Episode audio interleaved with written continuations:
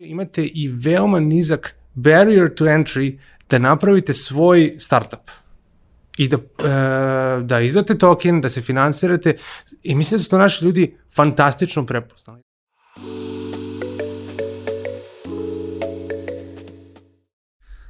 Poštovani slušalci i gledalci, dobrodošli u novu epizodu Office Talks uh, specijala u okviru kojeg razgovaramo uh, o tome kako naprediti i najbolje iskoristiti inovativne i kreativne potencijale Srbije. Uh, ukoliko vas zanima ova tema, uh, preplatite se na naš YouTube kanal, klikite na zvonce kako biste dobili obaveštenje o novim uh, epizodama. Takođe, Office Talks specijal možete pratiti i putem audio platformi, linkovi su u opisu ispod videa ili u opisu, uh, da kažem, samog audio fajla.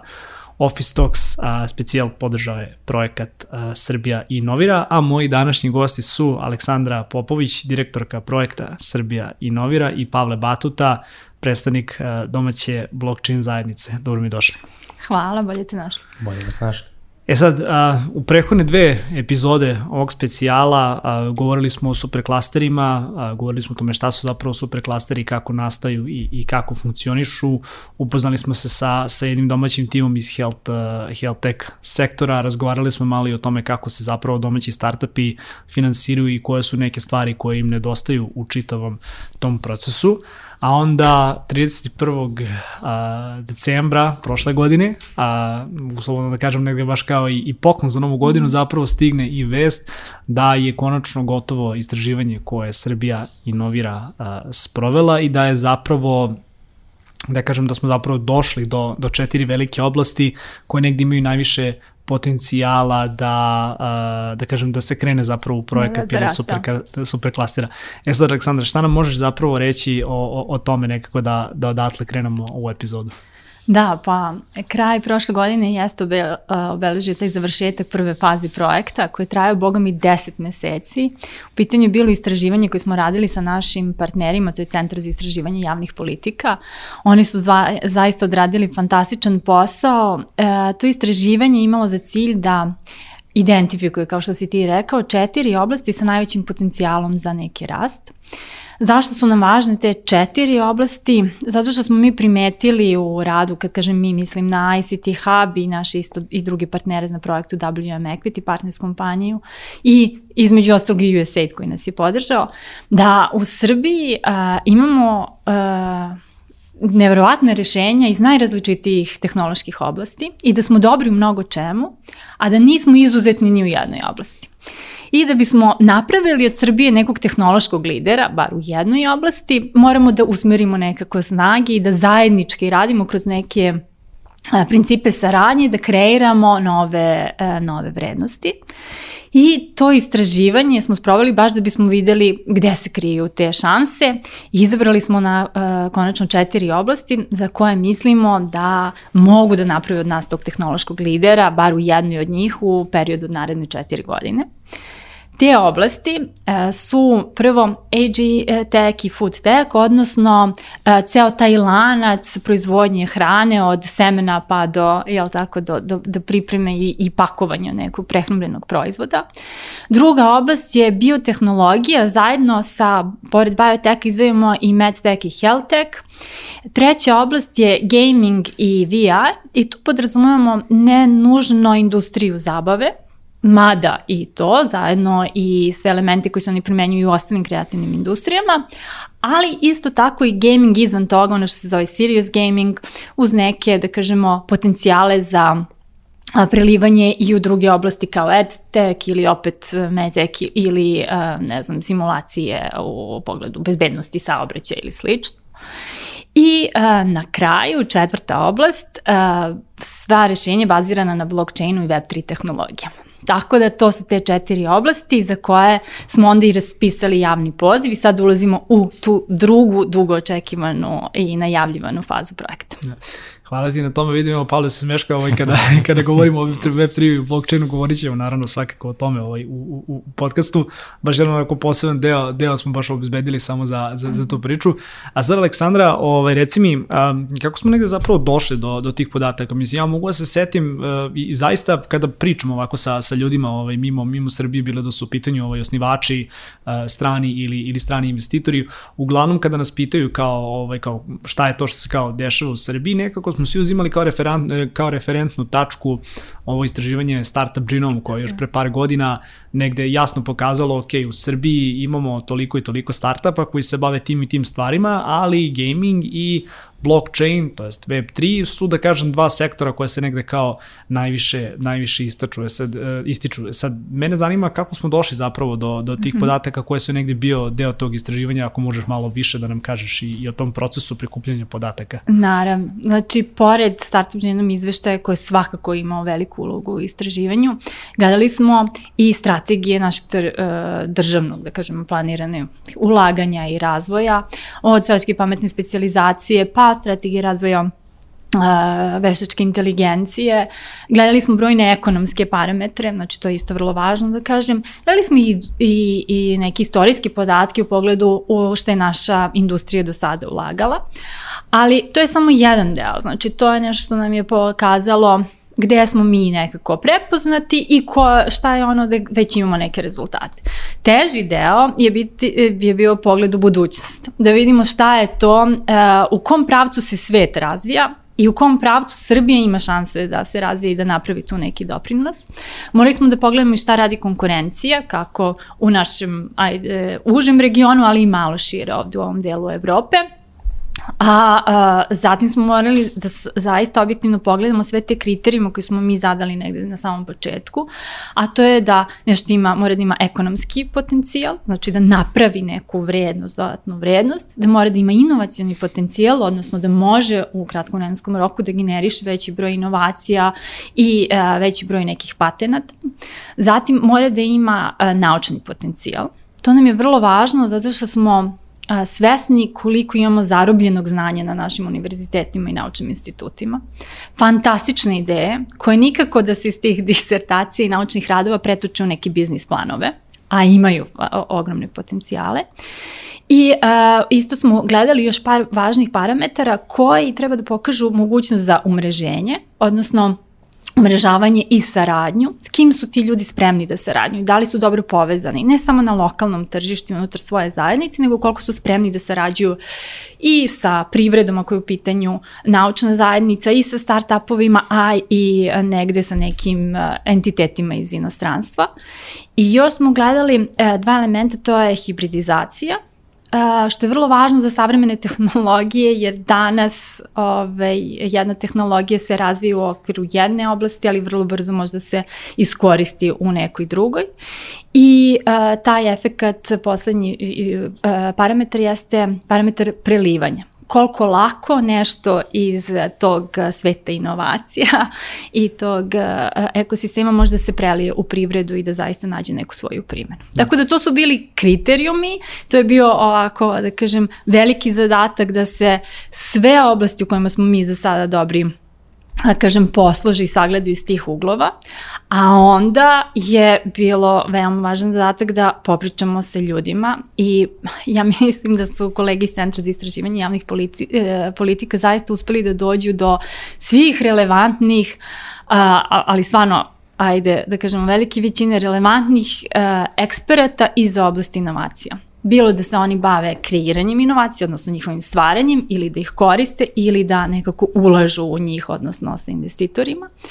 I oni su isto dali jedan svoj pogled. A onda smo na kraju sve te rezultate do kojih smo došli, neki prve zaključke proverili i uz fokus grupe gde smo opet imali a, relevantne sagovornike i iz države, i iz privrede, i iz nauke, i iz startup zajednice koji su u krajnjem slučaju dali završnu reč i pomogli da a, donesemo odluku o te četiri domene slušam te pažljivo i jedna stvar mi ovako je negde ostala, ovaj, baš me možda malo i pogodila, ako tako mogu da kažem. Um, rekao se da imamo zapravo sjajne ideje koje negde ostaju samo na kraju dana u nekim ono, doktorskim radovima ili u nekim disertacijama. A, ako pogledamo možda malo regionalno, kao znamo da se zapravo na nekim boljim tržištima gde naši ovaj, ono, i doktori nauka i diplomci i ono, da kažem ljudi koji ono završavaju mastere, znamo da odlaze tamo i da na kraju dana i iz te akademske zajednice zapravo ovaj ulaze u veoma ozbiljni profesionalni karijere koje se negde onda mm. ovaj morfuju ili da kažem spajaju sa, sa privredom. A, kakva je situacija u regionu? Negde da probamo možda malo da uporedimo i, i Srbiju sa nekim zemljama re, re, regiona. Da li je a, ta veza između zapravo da kažem akademske zajednice i startup zajednice pa negde i privrede jača ili smo da kažem svi negde manje više na istom nivou. Razlog zašto to pitam jeste zašto ako smo svi već u tom nekom nezavidnom položaju, da li onda zapravo super što, što smo mi na nivou Srbije sada krenuli sa ovakvim jednim projektom da se bavimo ovim pitanjem? Pa ajde da mogu odmah da dam i primer Kanade. Mi smo dosta sarađivali sa, sa kanadskim superklasterima, nekako od njih smo se trudili da učimo i njima je to bio najveći izazov. Znači, e, to je zaista, su dva sveta, naučna zajednica i, ovi, i taj preduzetnički neki kadar, um, redko gde idu zajedno. Ono gde je napravljen veliki iskorak, to je oko Stanforda, to je ove, negde u Bostonu gde imamo Heltech zajednicu. Znači, tamo gde dođe do tog spajanja i tog prelivanja, tu imamo fantastične rezultate. I tu su najbolji primeri, da kažemo, te, tih, uh, tog prelivanja i da kažemo brojnosti da. tih ja. inovacija u dragoj oblasti. koji ti odmah i to su na, centri, na pamet. Da. Tako je. Da. Tako da... Uh, u regionu nije zavidna situacija. Mislim da je ovo pravi, e, pravi moment sada. E, ima, da kažem, pored toga što ima fantastičnih tamo rješenja, predloga ideja, ima ljudi koji su došli iz inostranstva, ima ljudi koji imaju iskustva kako je to, to znači raditi sa privredom, koji i dalje održavaju te neke kontakte u inostranstvu i baš sa njima treba da gradimo ovo. Jer oni, da kažem, i znaju kako i spremni su da se malo pomuče da reše te neke administrativne ne, boljke koje imaju sa sada u pogledu nekih kreiranja spin-off kompanije ili tako dalje. Ali to je sve nešto što će danas sutra taj super klaster morati sistemski da reši. Da. Zvuči, da, zvuči interesantno dosta, ali ajde, ajde dozeći ćemo se i, i toga za, i tih nekih ono daljih koraka malo kasnije. Sad, Pavle, ovaj, ono, pomenuo Aleksandra koje su, koje su četiri oblasti koje su, koje su, da kažem, negdje izabrane ili prepoznate. Jedno od njih i Web3, dakle da ne kažemo samo blockchain, je blockchain kao tehnologija jeste deo negde te, te ono Web 3.0 zajednice. A, u jednom od prethodnih podcasta razgovarali smo malo zapravo ovaj, o, o, o toj zajednici ovde u Srbiji, ali smatram da smo, ono, nismo čak ni, ni površinu negde zagrebali, tako da mislim da ćemo ovoj temi morati u 2022. godini mnogo ozbiljnije da se, da se posjedimo. Ali evo, da te odmah onako krajnje otvoreno pitan kao predstavnika te zajednice, kakva je danas zapravo situacija kada govorimo o Web3 u Srbiji, jer prethodnih godina čuje se sad, da li s leve i s desne mhm. strane, čuje se ovako pomalo da, da imamo mi tu neke sjajne ideje, da su ovde nastali neki zaista sjajni, sjajni projekti, a, ali nekako a, sa strane, da kažemo, on outsidera, uglavnom nemamo baš dobar uvid koliko je ta zajednica velika, koliko su ti projekti koji se razvijaju ovde bitni, ali i na kraju dana kao koliko su ljudi koji se trenutno bave Web3-em spremni opet negde da rade sa akademskom zajednicom, spremni da kažem da rade na primjeni tih rešenja u, u, u ono, možda svakodnevnim ovaj, nekim ono, industrijama ili potrebama, pa evo da krenemo od toga pa gde nas, gde nas priča odnese. Odlično pitanje na koje ću pokušati pažljivo i precizno da odgovorim. Znači, koje je situacije, koje je stanje Web3 zajednice u Srbiji? Pa, pre svega, moram da otvorimo sa, sa nečim izuzetnim, a to je da mi u Srbiji imamo dobro finansirane Web3 startupe, sa nekim od njih je netokracija već pravila ovaj, intervjue i razgovarala, da ih sad ne nabrajam. Tako da e, sa predsjedničke strane imamo izvesnih pomaka u odnosu na, na prethodne periode. Znači imamo takođe i dosta veliki broj ljudi koji se bave baš Web3-em. E sad, Web3 je interesantan fenomen pre svega zbog svoje prirode. On je decentralizovan, tačnije širom je raspoređen, distribuiran ovaj, po svetu, tako da dosta ljudi iz Srbije učestvuje u raznim Web3 projektima, recimo u raznim DAO-ima, su članovi i rade kao pojedinci. Znači, mi jednostavno nemamo toliko jaku zajednicu, ako to možemo zvati nečim što je kao nekakva krovna organizacija, nekakvo udruženje koji ima redovne članove, koji, koji ima redovne aktivnosti i to je nešto na čemu treba da radimo. A s druge strane, paradoksalno smo jaki i u preduzetništvu, i u razvoju, i e, napredujemo i pratimo e, u korak i naše susede, a i generalno i šire da, ovaj, ne, svetske trendove. Ja bih možda čak rekao ne samo i da, i da pratimo, nego su mi ti koji ono da kažem kročimo ili prtimo put zapravo da su negde ono da je u Srbiji nastaju neke da. ono sjajne ideje koje su na globalnom nivou zaista impresivne. Tako je. E, ja bih rekao da je Web3 daje šansu zato što je nov. Zato što vi možete zaista da pokrenete e, sobstveni preduzetnički duh na nivou pojedinca možete da, se, možete da radite nečem inovativnom, možete da se okušate u raznim oblastima od kojih su i raznim ulogama od kojih neke poput e, token inženjerstva, kriptoekonomije su nastale kao proizvod Web3-a, a takođe imate i veoma nizak barrier to entry da napravite svoj startup i da, e, da izdate token, da se finansirate i mislim da su to naši ljudi fantastično prepoznali, da postojeće barijere ka, ka preduzetništvu, postojeće barijere ka formiranju startupova ovde jednostavno više ne važe.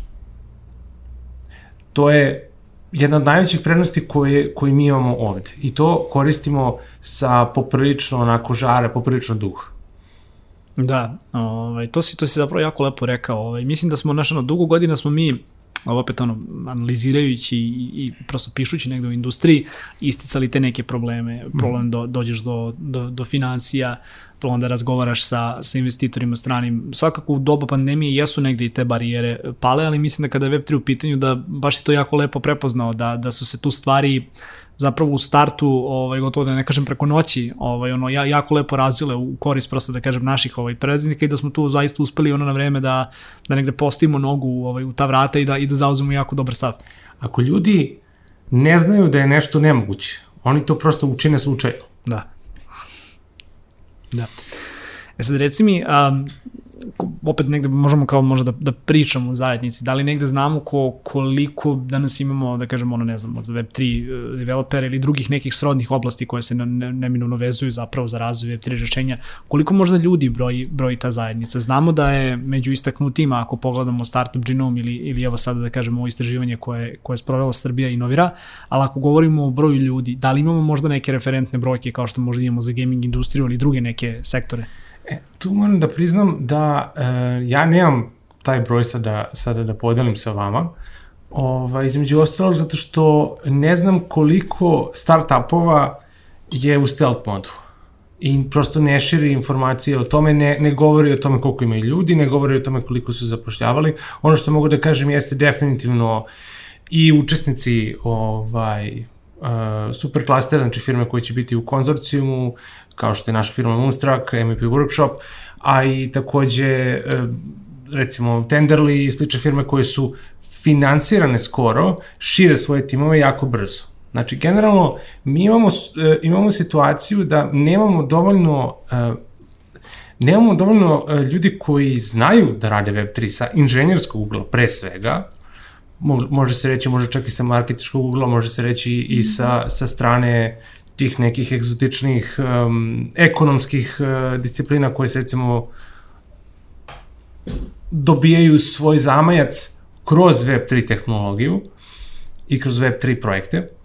Uh, mi imamo, to, to definitivno mogu da kažem. Znači, naše tržište koje uh, generalno mora da se širi, mora da se ekspanduje uh, kroz proces nekakve edukacije, idealno u nekakvom formalizovanom kontekstu, da bi taj pristup bio otvoren ka što većem broju ljudi i ka formiranju nekakve strukturirane zajednice.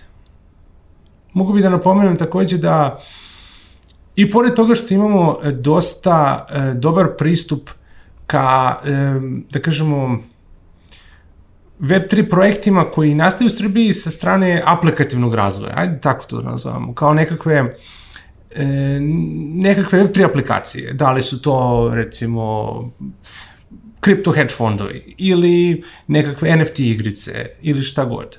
Možda imamo uspešan NFT marketplace u Srbiji, ovaj, SoulSea, ono gde e, možemo da budemo jači i gde možemo zaista da se, da se probijemo, jeste taj neki deep tech. Web3 e, gura sa sobom blockchain tehnologiju, a blockchain e, recimo sa sobom gura izuzetno naprednu kriptografiju. Koliko ja znam, to je nešto sa čime tek treba da se uhvatimo u koštac. Znači, voleo bih da vidim do kraja ove godine da izađemo iz Srbije sa jednom ekipom koja radi ono, first class na svetskom nivou, e, zero knowledge proofove, ili e, primjenu tih istih zero knowledge proofova u okviru nekakvih roll-up šema za skaliranje blockchain tehnologije. Ja. Um, Reci mi sad kako, uh, ajde pre nego što, što ti zapravo postavim pitanje, kako negde ti vidiš zapravo da bi, da bi sadašnja postojeća blockchain zajednica mogla negde da se udruži sa, sa akademskom zajednicom, pa možda i sa nekim firmama, da negde možda probamo da primjenimo taj kao koncept superklastera. Ono što, što mi je takođe negde interesantno opet kako se i sam zapravo edukujemo o, o Web3-u, a, za koje bi negde protokole možda rekao da su trenutno ovaj, naj, najprisutniji u Srbiji, koje protokole, da kažem, možda negde naši timovi možda i najčešće eto, koriste Mm -hmm. Ovako, moram da spomenem, uh, sad reč protokol dosta se koristi u raznim kontekstima, ajde, ajde da vidimo uh, blockchain lance koji se koriste najviše. Pa ja bih rekao na prvom mestu i dalje Ethereum, zato što dosta ima startupova koji rade sa Ethereumom ili rade na Ethereum. Znači, ja znam, uh, recimo, Decenter razvija proizvod za DeFi na Ethereum, pre svega. Zatim imamo Tenderly koji je nastao kao platforma za e, development, podršku development inicijativama na Ethereumu, a kasnije je proširena na druge lance. Druga stvar koju bih pomenuo je Polygon. Uh, Polygon je interesantan zato što ima jednog od suvasnivača koji je iz Srbije i dosta je prisutan u razvoju na srpskom tržištu. Znači, ceo taj ekosistem mi smo na neki način zagazili u njega. Dosta smo, dosta smo ovaj, rasprostranjeni po svim sektorima, imamo i Solanu, naravno, imamo nekoliko um, dobro finansiranih uh, startupa koji se fokusiraju na razvoj na Solani, opet na nivou aplikacija, recimo Solsi koji razvija, koji razvija ovaj, uh, NFT marketplace, još nekoliko da ih sad ne nabrajam po imenice, ovaj, uh, već će se reklamirati i sami, ćete za njih, ali um, i može se reći da smo na aplikativnom nivou razvoja dosta dobro raspoređeni, dosta dobro zastupljeni na većini protokola koji postoje danas. Znači, i, i na nivou base, znači layera gde, gde koristimo razne lance i na nivou toga da su nam, da, da dobro koristimo recimo DeFi na svim tim istim lancima. Znači recimo DeFi Saver, proizvod Decenter Technologies, uh, on bukvalno koristi sve moguće integracije koje mogu da vam padnu na pamet, koji su relevantne za, na, na nivou koji je apsolutno svetski. Tako da, naši ljudi stvarno jesu prepoznali sve tehnologije i zakoračili su sve njih onako bez, bez zadrške, bez problema. Znači, što se tiče korišćenja web te tehnologije, tu nemamo, nemamo nikakvih barijera. Možda ka nekom deep tech razvoju, kao što, kao što sam napomenuo, tu bi mogli da radimo ka tome, ali što se tiče korišćenja, tu smo, tu smo u samom vrhu. Da. E sad, ako negde govorimo i o tom deep, deep tech e, razvoju, gde bi možda mogla sad da se uključi, da kažem, ono, akademska zajednica, a kako zapravo onda, mislim, moje pitanje za oboje, ali kako negde vidite možda kao, kao The Perfect Storm ili ti savršeno luju, e, rađanja jednog superklastera u okviru Web3-a ovde u Srbiji, koji su, da, da kažem, to neki faktori koji bi se morali ovako ovaj, ujediniti i zajedno negde nastupiti na tržištu, da li isto ono, jača akademska zajednica, pa šta možda moramo da uradimo na, na tom polju, da li možda negde prosto primena ovakih nekih rešenja i njihova popularizacija u Srbiji od strane privrede, ili kao što si ti sam Pavle rekao, da li je to možda od strane postojećih e, igrača, negde veće ulaganje ka edukaciji, prosto ono generalne web 2 populacije, ono svih nas koji, koji manje više ovde radimo nešto na internetu, da se tako izrazim, o tome šta je zapravo web 3 koja je njegova, da kažem, primena ovaj, u, u svetu. Ok, možda ću ja da otvorim onda. Um, krenimo za početak od edukacije. Edukacija je e, nešto što treba da dođe e, korenski iz zajednice. Znači, to je nešto na čemu treba da rade svi. To pod edukacijom mislim na edukaciju i korisnika, znači ka tome da, da imamo bolje informisanu korisničku bazu ovde u Srbiji koji mogu da koriste te naše proizvode koji se razvijaju ovaj, u, u Web3 tehnologijama, koji znaju da koriste kriptovalute, koji znaju za DeFi, koji znaju za NFT-eve i nešto će već doći. Zatim, um, spomenuo sam opet ideju da, da proširimo uh, mogućnosti, to jest da povećamo broj ljudi koji su obučeni za rad u Web3-u. To je jako interesantna saradnja sa univerzitetima i to je jako interesantna saradnja sa raznim multidisciplinarnim pristupima. Zašto? Pa Web3 nije samo tehnološki fenomen. Mnoge, recimo, aplikacije u Web3 se bave financijama na ovaj ili onaj način. Sam, sami otvoreni blockchainovi ne mogu da funkcionišu bez e, razumevanja ekonomije, razumevanja teorije igara i slično. E, mislim da e, definitivno možemo dobiti podršku univerziteta, možemo dobiti podršku e, sa strane da ubacimo nekakvu, recimo, postdiplomske programe ili nekakve, nekakve radionice gde se ljudima približi i otvore mogućnosti da znaju da zapravo te stvari postoje, da to nije nešto što je, da, da primjena tih stvari postoji unutar Web3 tehnologije. Zatim, možemo da radimo na nečemu što, što bi ja nazvao Web 2.5 pristup. E, vrlo praktična stvar. Vi kada e, obučite neko da bude Web 3, recimo, developer, on postaje odličan inženjer sam po sebi. E, uz dodatno domensko znanje.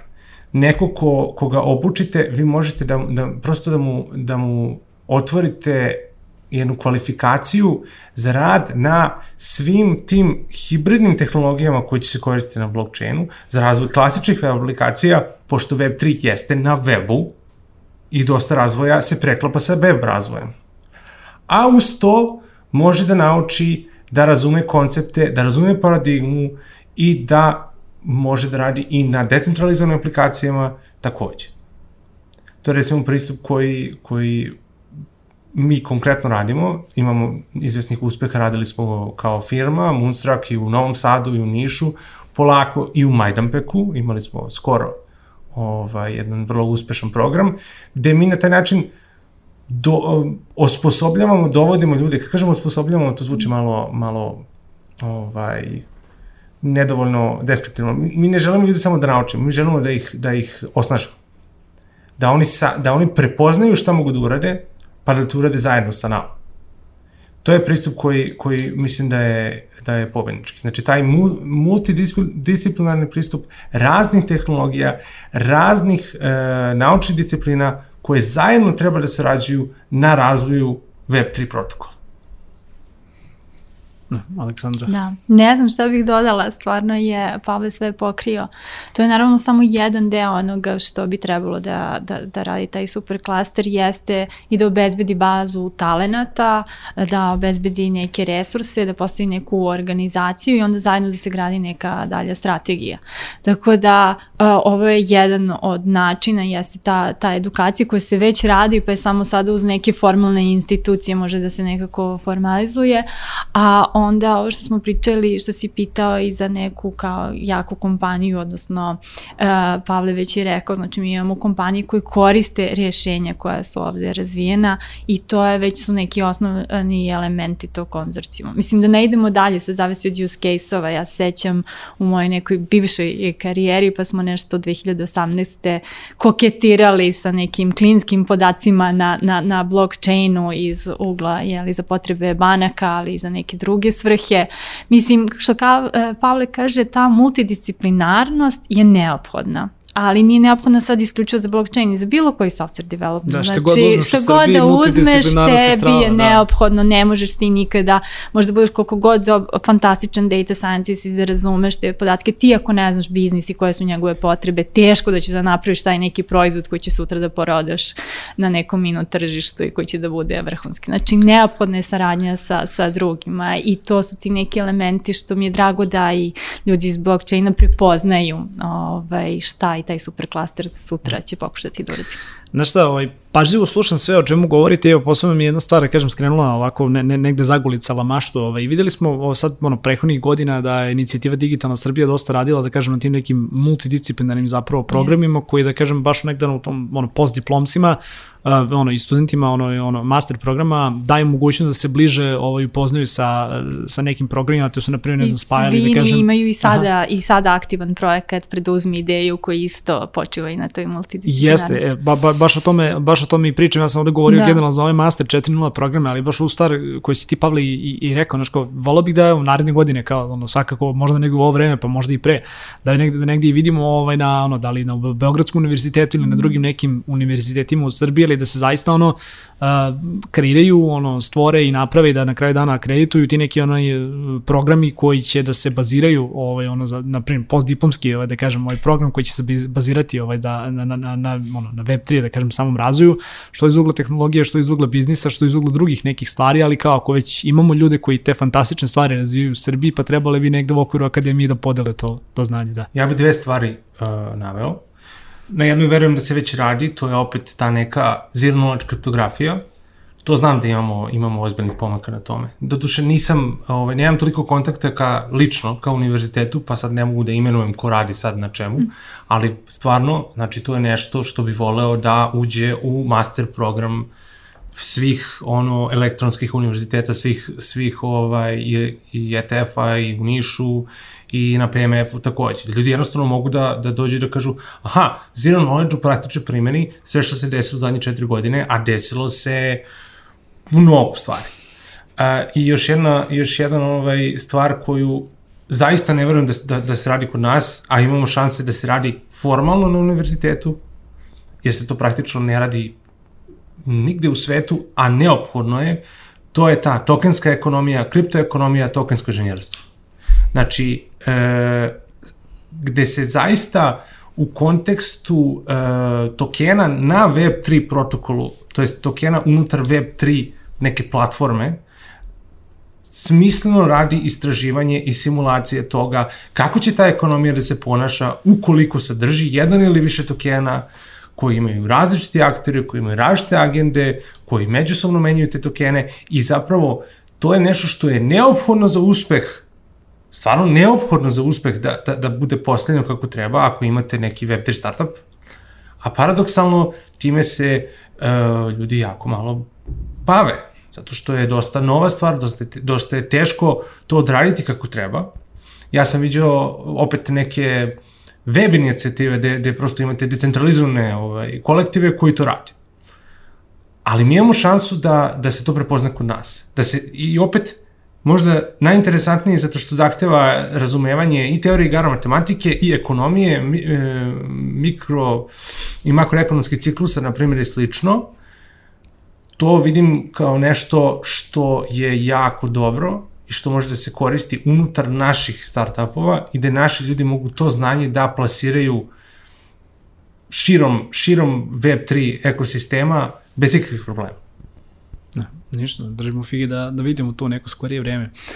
A, pre neko što pređemo zapravo i na ovaj deo oko, oko javnog poziva i oko prijava zapravo, da kažemo, oko, oko ono, konkretizacije tih stvari koje će se, koje će se zapravo ovaj, raditi kako biste došli do, do, ono, do uspešno negde, negde pilot superklastera.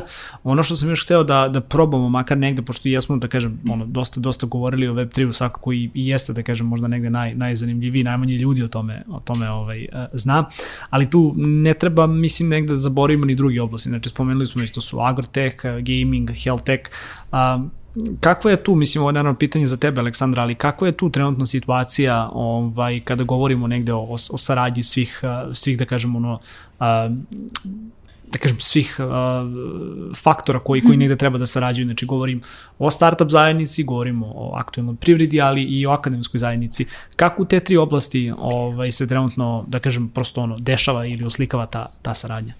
Pa samim tim što su izabrani ušli u taj uži izbor, znači da ima nekih dešavanja i da su ono ohrabrujuće svakako.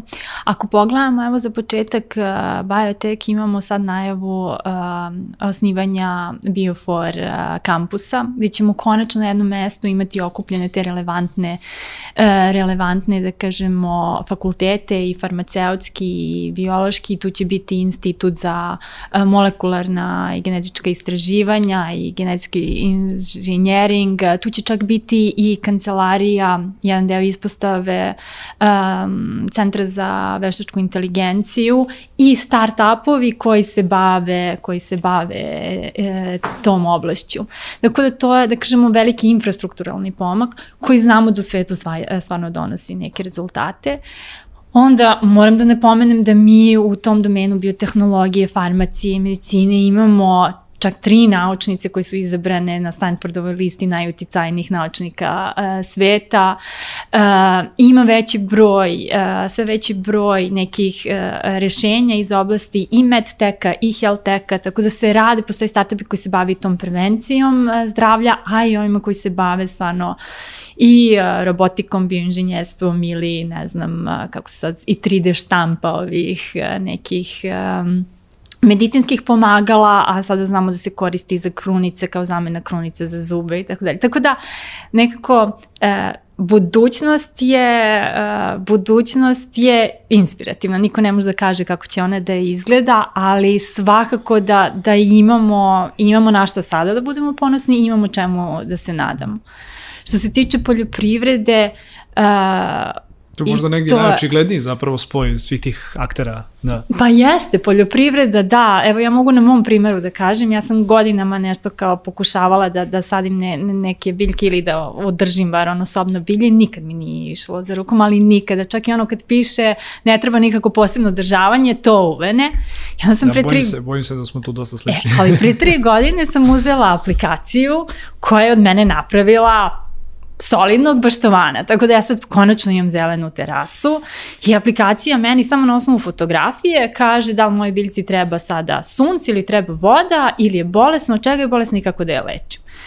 E, a zamislite sada to za jednog poljoprivrednika koji ne koristi samo fotografiju. On ima snimke iz dronova, on ima satelitske snimke, on ima prediktivnu analitiku koja mu kaže na osnovu ne znam, kretanje podzemnih voda na osnovu klimatskih nekih parametara i tako dalje, šta da seje, gde da se, da više ne treba da seje cijela te, sve te hektare koje ima na isti način i da ih, ne znam, džubri istim džubrivom i istom količinom, nego da se to sve prilagodi. Da se optimizuje zapravo, da. Tako je, da se optimizuje, poveća se taj, ti prinosi, a onda imamo i ovu robotiku, odnosno sve te mašine koje to rade samostalno i da nekako stvarno ćemo dovesti do toga da sve ove generacije koje su napuštale selo zbog toga što je to zaista fizički e, zahtevan posao, da će sada to moći da rade uz pomoć tableta i džojstika.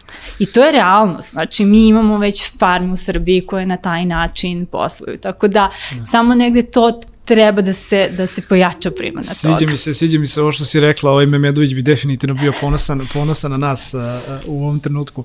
A, Izvini, zaboravili da, smo da, da. samo gaming i VR. Gaming, da. Evo samo da kažem sad, od kad je objavljen ovaj Metaverse pre par meseci, znači sa, Ovo je tek sada eksplodiralo, potpuno da. eksplodiralo i nešto čemu nismo ni razmišljali na, na početku projekta sada, sada potpuno ima i neku novu perspektivu i neku novu neizvesnost i u stvari uzbuđenje. Ono što je meni ovaj nekada projekat... Nekada stvari, izvini, da. nekada stvari koje se uh, krčkaju, a mogu da se krčkaju dugo vremena, samo odjednom isplivaju na površinu. Na površinu, tako. Spomenji Metaverse u kontekstu NFT-eva, zato što NFT-evi su ne mogu da kažem, pošto NFT-evi nisu tehnologija, NFT-evi su samo zapis u vlasništvu nečega i ljudi su eksperimentisali sa NFT-evima po priču dugo, na ovaj ili onaj način.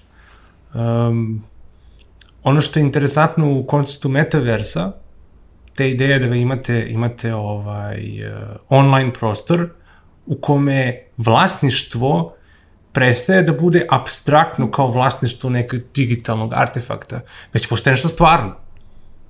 I samim tim zapis o stvarnosti tog vlasništva postaje vrlo relevantna kategorija. Vrlo vreda na kraju dana, da. Možda ne čak ni vredna. Ja bih rekao relevantna samo, samo do, do kraja rečenice, zato što ne želite da imate situaciju da vam je sve u vlasništvu recimo Facebooka, ja vam divam da ga zovem Meta i to nikada neću činiti, već hoćete da imate, imate vlasništvo koje je u vlasništvu svih nije pod kontrolom nekoga ko uzima i ubije ekonomiju svojim re, ekstrakcijom nekakve rente i slično. Toliko. Da, da, pa bit će vrlo zanimljivo da vidimo i kako će da se ta digitalna umetnost sada pozicionira i kako će tu naše kreativne, da kažemo, ove industrije da iskoriste sada da. i taj i NFT i ostalo. I kao interesantno mi da pominjamo NFT-eve, ovaj, osim mnogo što kao imamo neke kompanije koje se zapravo bave, ovaj, da kažemo, na marketima za, za prodaju ili trgovinu NFT-evima, imamo i dosta umetnika koje se nekda, da kažem, krenulo mm više da eksperimentiše, pa koje je čak i lansiralo svoje svoje NFT-eve, tako da ono, baš, baš je ono jako interesantno vreme, da. Recimo, um, gde verujem da će biti sledeći probaj kod nas, što se tiče NFT-eva? Mi imamo, uh, to je nekakav technology play, infrastructure play, gde hoćete da napravite marketplace. Svi mogu da dolaze i da kače kod vas, vaš biznis model i da primate sve. I to je okej. Okay. Imamo pojedinačne umetnike koji neki malo stidljivije, neki malo onako uh, smelije, prave NFT-eve, prave kolekcije i kače ih na, najčešće na OpenSea ili nek već razvijeni marketplace. Ono što možemo da radimo kod nas jeste uh, curation. Da imate virtualnog kustosa koji će doći i provesti vas kroz šumu, znate ono kada otvorite NFT marketplace i kada otvorite recimo DeviantArt ima 50 ziliona slika i grafika i svega, vi se pogubite i ne znate ni šta je vredno, ne znate ni šta je smisleno. Ja verujem da ćemo nadam se barem da ćemo što kroz superklaster, što kako već, doći do toga da sledeće godine vi imate u Beogradu ili u Novom Sadu ili u Nišu ili negde NFT galeriju. Vi dođete, imate izloženu umetnost, stavite naočare, kustos vas provede, imate sajt domaćih umetnika koji rade fantastičnu umetnost, multidimenzionalnu, multimedijalnu, kakvu god hoćete, neka reč koja još nije izmišljena, i onda ih prodajete na nekom našem marketplaceu. To mi je sam. Da. Ja znam da. koliko, koliko se ono kao, mislim čak i ove kao četiri, ovaj, čak i ove četiri da kažem, oblasti negde ono, neke se neke se poklapaju mrežavaju, mm -hmm. tako da to to zvuči jako jako interesantno. Ali ajde da negde pričamo i o tom javnom pozivu koji je, koje je Srbija inovira ovaj, a, otvorila i koji zapravo ima za cilj da negde a, zainteresuje se ove kompanije o kojoj smo pričali, se ove pojedince, se ove akademce uh, koji, koji negde rade na, na ovim stvarima, koji imaju te neke, te neke zaista ove cool ideje. Uh, javni poziv je otvoren, ako se ne vena, do 28 februara. Tako. A, pa hajde da čujemo malo više o njemu, zapravo ono kako, kako izgleda sam proces prijave, a koje kompanije i pojedince zapravo da kažem negde projekat sam gleda ono da, da se da. prijave i želi na kraju dana poslu da kažem ono pojedinci i firme koje želite da se da se prijave. A, Pa hajde da krenemo, pa da. kud, nas, kud nas priča od mene, da. Javni poziv, kao što si rekao, otvoren je do 28. februara. Odmah da kažem, vrlo je jednostavan, ali ima uslov. Ne primamo pojedince, nego konzorcijume. Znači, ljudi treba da se okupe u konzorcijume od minimum tri člana, različite člana. Jedan treba da bude neka vrsta startupa, drugi neka kompanija malo veća i treći jeste predstavnik uh, uh, univerziteta, odnosno akademske zajednice, da li su univerziteti ili naučnog instituta. I uh, to je, da kažemo, minimum tri člana. Uh, ko ima više još bolje, što je veća ta zajednica, to će taj super klaster biti bogatiji, šarenoliki i samim tim nekako plodonosniji. Ono e, šta je važno da kažemo jeste da oni moraju da opišu u tom prvom koraku prijeve svoje uloge i zamisao kako oni vide taj super klaster, koja je njihova ambicija šta da se realizuje kroz program super klastera i isto tako moram da kažem da e, mi smo raspisali javni poziv baš za ove četiri oblasti, može da se desi da ćemo imati više prijava iz e, nekih oblasti, mi imamo tu da kažemo slobodu i pravo da u tom e, drugom krugu predložimo čak i spajanje nekih, uh, jer super klaster mora da bude inkluzivan. Da bi došlo do te saradnje, on možda u prvoj godini treba da bude u nekom manjem formatu, ali tokom godina oni moraju da dokažu da su sposobni da uključuju, da uključuju i širu zajednicu. Rast, da. da su sposobni za rast i da su sposobni da nekako postave strategiju razvoja konkretne oblasti koju će da vode i da nekako zajedno budemo odgovorni za plan implementacije. Mm. A, da li možda možeš da, da nam ono, tipa neki, neki best case scenar ili možda neki savjet zapravo za, za sve koji nas slušaju koji negde razmišljaju o, Da. o prijavi o aplikaciji? Svakako prvi savjet jeste da pogledaju na našem sajtu srbije.inovire.rs kroz javni poziv. Tamo imaju i vodič koji detaljno objašnjava koji su negde e, i koreci, koji su uslovi, koji će biti kriterijumi e, za, za selekciju. E, ovaj savjet je da se i pored toga jave da ćemo mi imati neke infodane kada ćemo zajedno sa njima da prođemo kroz to, da taj prvi deo, znači taj prvi konkurs gde ćemo o, e, prvi krug e, do 28. februara e, ćemo im zaista pomoći da ovu e, osnovnu prijavu popune kako treba, a u drugom krugu ćemo im angažovati i potrebne eksperte koji mogu da im pomognu da e, formulišu tu, tu strategiju pre nego što i da im obezbedimo i trening pre nego što se krene sa, sa, sa samim radom tih e, superklastera. Svakako ovaj, informacije idu javnog poziva, ali da kažem i dokumenta o kojima pričaš ostavit ćemo negde, negde u linku ovde uh, u samom opisu da kažemo, ostavit ćemo taj link. E sad, um, pored da kažem tog javnog poziva, uh, ono naravno projekat Srbije inovira, um, imaju određene alate i mogućnosti kako će zapravo da kažem pomoći uh, razvoj tog super klastera. A, koje, o kakvoj podršci ovde zapravo pričamo? Mm -hmm. Šta da kažem, prijavljeni konzorcijumi zapravo mogu da očekuju? Kakvu vrstu pomoći i, i podrške? Da. Znači, zadatak naš jeste da mi kroz ove pilot super klastere postavimo organizacije, uh, organizacije koje će imati svoju neku infrastrukturu, management strukturu, organizacijonu strukturu koji će da formulišu strategiju i da se napravi neki plan nekog njihovog i finansiranja.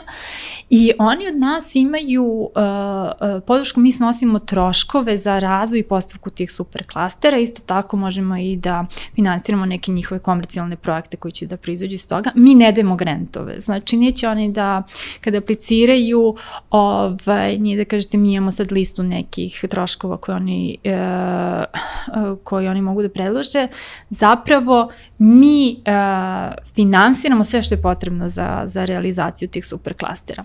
E, zašto se tako građujem zato što ćemo imati četiri verovatno potpuno različita klastera sa različitim potrebama. Na osnovu tih njihovih potreba vidjet ćemo da li je to nekome potrebna konsultantska pomoć, da li je da angažovanje nekih eksperata da se e, širi znanje, da li je to neka infrastruktura možda za neku vrstu škole da se oformi, da li je to za neka oprema za laboratoriju ili je to o, da se postavi management struktura, neki staff koji će, odnosno zaposleni tim koji će to da vodi, ili na kraju da li su to edukacije? Da li organizacija studijskih putovanja, da li su to neke, da kažemo, ekspertski, ekspertski consulting ili organizacija ovde domaćih nekih događaja na lokalnom terenu. Znači imaju slobodu da predlože šta god da misle da je potrebno da ta jedna organizacija super klastera stane na svoje noge e, i da nekako sistemski može da reši sve probleme koji su prepoznati unutar te, te zajednice.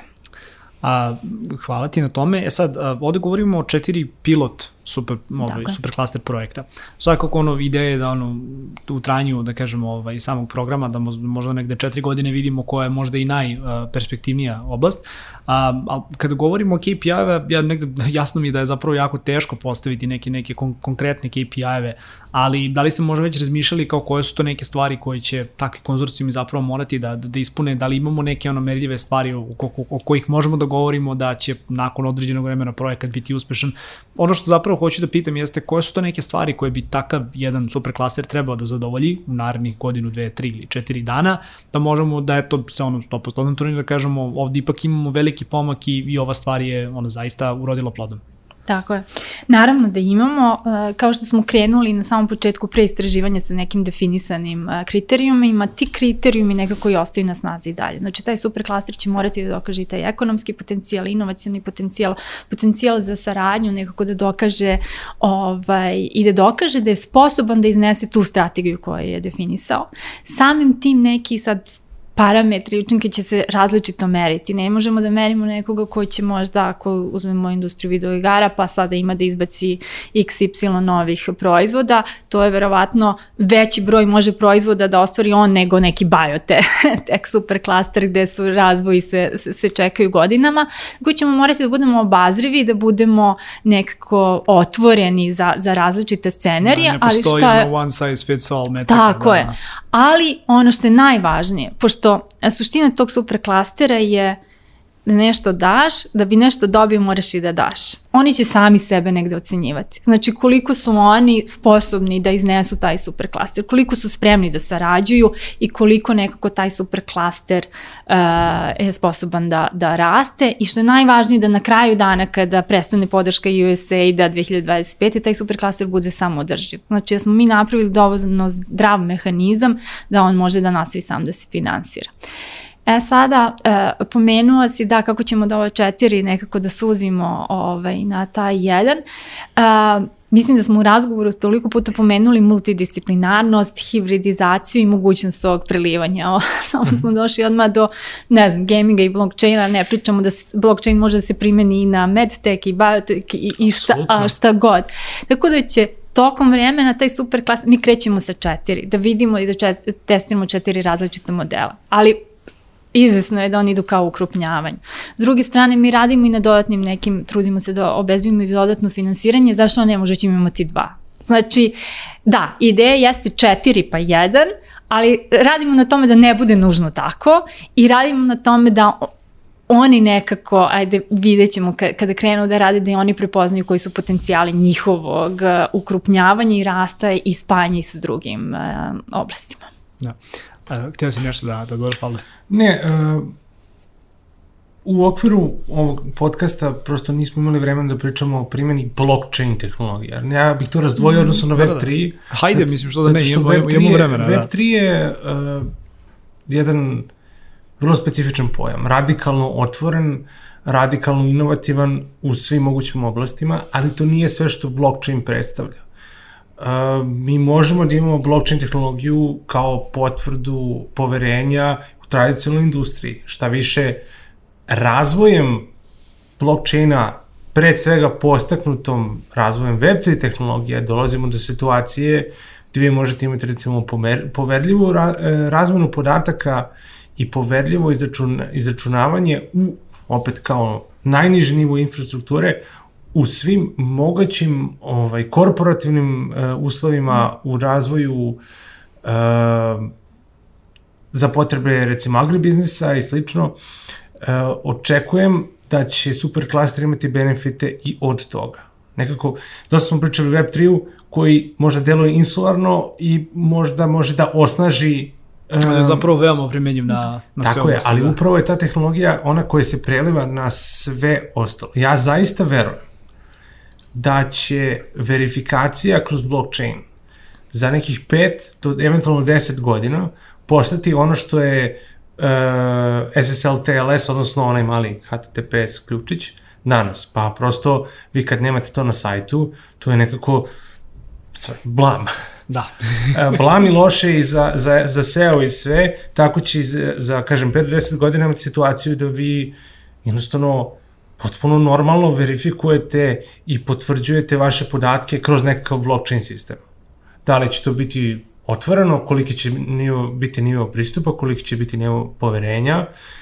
Moram reći da mi razvijamo recimo startup koji se zove Traken, koji upravo unutar ovaj, energetskog sektora pokušava da primeni takvu tehnologiju. Znači, ne nužno Web3, pošto podaci koji izlaze na Web3 su otvoreni, je tako? Ali već je nešto, sistem, da. nešto, nešto što pokušava da primeni taj nivo poverenja u svim sektorima unutar energije, na primjer. Da. Ovo zvuči dosta super. A, evo za kraj, ostalo nam još kao toliko vremena da negde možda popričamo i, i, i o, nećemo sad da govorimo o konkretnim ono, ciljevima i KPI-ima, ali možda negde vaša vizija kom, kompletne ove stvari, pa evo, mislim, Pale, pomenuo si, krenut ćemo tebe, pomenuo si negde zapravo kolika je primjena ovaj, ono, blockchain tehnologije i na ovim nekim drugim sektorima, ali kao govorimo već o, o tom formiranju kao ono i ovih pilot superklastera, ali i generalno tog nekog superklastera, kako ti vidiš prosto razvoj onoga što negde u najširem mogućem smislu zovemo IT industrija ovde u Srbiji, a u narednih, eto, rekao si sam, 5 do 10 godina. Šta je ono što bi ti zapravo volao da vidiš da se, da se desi ovde? Generalno, volao bih da vidim 5 do 10 velikih ovaj, exita startupova u bilo kojoj ono, formi, vertikali koja može da se zamisli, znači da li je to ono neki token sale, pa ima veliki ono market cap, da li je to tradicionalno equity, sve jedno. Idealno, verujem da će to biti ne, neka od ovih prepoznatih oblasti unutar superklastera. To je prva stvar. Druga stvar koju bih volao da vidim, volao bih da vidim da naši ljudi, koji su recimo se vrhunski dokazali u biznisu, u tehnologiji, u e, menadžmentu, u stranim velikim korporacijama dođu i uh, uključe se u razvoj zajednice ovaj, što kroz, što kroz startupove, što kroz, uh, kroz podršku, mentorship, sve u, u mnogo većoj meri. Što kroz finansiranje možda na kraju dana, da. Takođe, to je treća stvar koju, koju sam htio da spomenem. E, želim da investitori, znači VC-evi, prepoznaju ovo tržište, vide šta se dešava i budu u fazonu wow. Mi, mi vidimo ovo kao, kao neku veliku perspektivu. To bi, to bi bilo treća stvar. I četvrta i poslednja, volao bih da taj model kooperacije, pošto Web3 je pre svega baziran na otvorenosti, radikalnoj otvorenosti, radikalnoj kooperaciji. Volao bih da superklaster kod nas replicira taj model. Da imamo sistem gde ljudi mnogo više daju nego što uzimaju. To je veliki cilj i to je nešto što bi me činilo najsretnijim i mislim da bi svima donelo najveći mogući benefit. Znači da, da, da postanemo jedan ekosistem u kome ljudi i kompanije i pojedinci daju mnogo više community nego što uzimaju iz njega i da napravimo nekakvu, nekakvo zajedništvo, nekakvu razmenu koje može da ojača celo naše društvo. Bez, bez konteksta, znači sada investiranja, bez konteksta, ovaj, na, prosto na nivou, na nivou sveokupnog kvaliteta života. I mislim da je to nešto što možemo kroz ovaj program i kroz slične eh, programe da postignemo recimo za 10 godina. Da, da se probudimo u nekakvoj Srbiji koja uošte ne može da se poredi sa onim što imamo danas. Ja, mislim da nam je to svima negde, negde ovo je ono i, i san i želja, Aleksandra. Apsolutno. Ja sam na ovom projektu upoznala toliko nekih pametnih, genijalnih ljudi poput Pavla i nekih e, divnih naučnika i e, samo slušajući kako oni zamišljaju to budućnost, ja nekako mnogo se radujem. Kažem, ne znam kako će stvarno da izgleda, ali neka se ostvari samo ono 20-30% toga kako oni vide u svim ovim oblastima, pa će biti mnogo bolje. E, Pavle je rekao par stvari koji su vrlo važni i koje smo mi nekako nekoliko puta rekli kroz ovaj projekat. To jeste ta saradnja i jeste da moraš da daš da bi nešto dobio. Samo ću da se nadovežem uh, na ovo što je rekao za VC fond. Jedan od naših zadataka jeste i da podržimo osnivanje VC fondova u Srbiji. To radi naš team Access to Finance između ostalog i vlade je bio gost prošli put pa je pričao više o tome. Ali taj super klaster će morati da ima i neki mehanizam, neke te podrške gde ćemo mi moći da garantujemo da bar ti startupovi imaju pred kim da pičuju, a i da ih mi spremimo za to, da budu spremni ovaj, nekako i za te e, runde finansiranja. Um, Očekujem da Srbija, kad završimo ovaj projekat, to će tek biti početak. Pavle je lepo rekao 10 godina. Negde i u drugim super klasterima znamo da je taj najveći boom, oni dobiju između 5 i, i, i 10 godina, ali uh, mi ćemo samo da zavrtimo nešto što treba da postane neki trajni način na koji će da se podržavaju inovacije u Srbiji, jedan strukturizan ekosistem, da ćemo imati mnogo veći broj inovacija u toj oblasti i da ćemo, kao što je onda Kosta rekao, da kad neko se probudi u Varšavi i pomisli na koja god da, da bude oblast, da kaže da. ajde vidim u Srbiji sigurno već imaju rešenje za to ili imaju ljude koji mogu da razviju.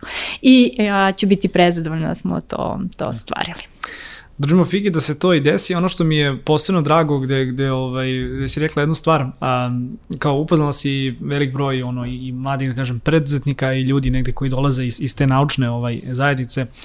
A, drago mi je da njihova vizija Srbije je, da kažemo, ipak vizija Srbije, da nije vizija nekog drugog ekosistema, tako da vidimo, znaš, da do određeni broj ljudi sada, ono, u proteklih 5 do 10, ono, 5 godine, malo možda izraženiji taj trend, ali vidimo da su i ovde ljudi, ono, ne samo da su krenuli da se vraćaju, ali da, da i ostaju ovde i da su zapravo shvatili da upravo to mogu da rade na, na velikim, ono, globalnim projektima iz Srbije i da oni zapravo budu ta neka promena o kojoj se toliko dugo dugo priča što je ono samo po sebi yes. dosta dosta cool. Aleksandra, Pavle, hvala vam puno što ste bili moji današnji gosti, svakako ćemo se negde postarati da, da su sve ove stvari, ovaj javni poziv negde ostavimo ovaj, u, u linku ispod ovog videa. A, dragi slušalci i gledalci, toliko od nas a, u ovoj epizodi, još jednom posjetim, znači a, poziv, to je javni poziv za, a, da kažem, formiranje ovaj, prvog srpskog superklastera, to je za, za a, pilot superklastera, otvoreno je do 28. februara, link se nalazi u opisu ispod ovog videa ili u opisu audio fajla. A, ukoliko vam se sviđa ovo o čemu smo danas pričali, svakako zapratite um, netokraciju na YouTube kanalu, naravno posjetite i sajt srbijainnovira.rs. A, toliko od nas u ovoj epizodi, mi se vidimo naredni put. Aha, Pavle, evo, samo dve Da. Prva, verujte u budućnost. I druga, ako imate wallet, nemojte nikada nikome deliti vaš uh, secret recovery key, odnosno seed. Toliko. Ja, mislim da ovo je ujedno intro za ovu epizodu. Hvala ti puno. Apsolutno. Dragi slušalci i gledalci, toliko od nas u ovoj epizodi. Vidimo se naredni put. Ćao!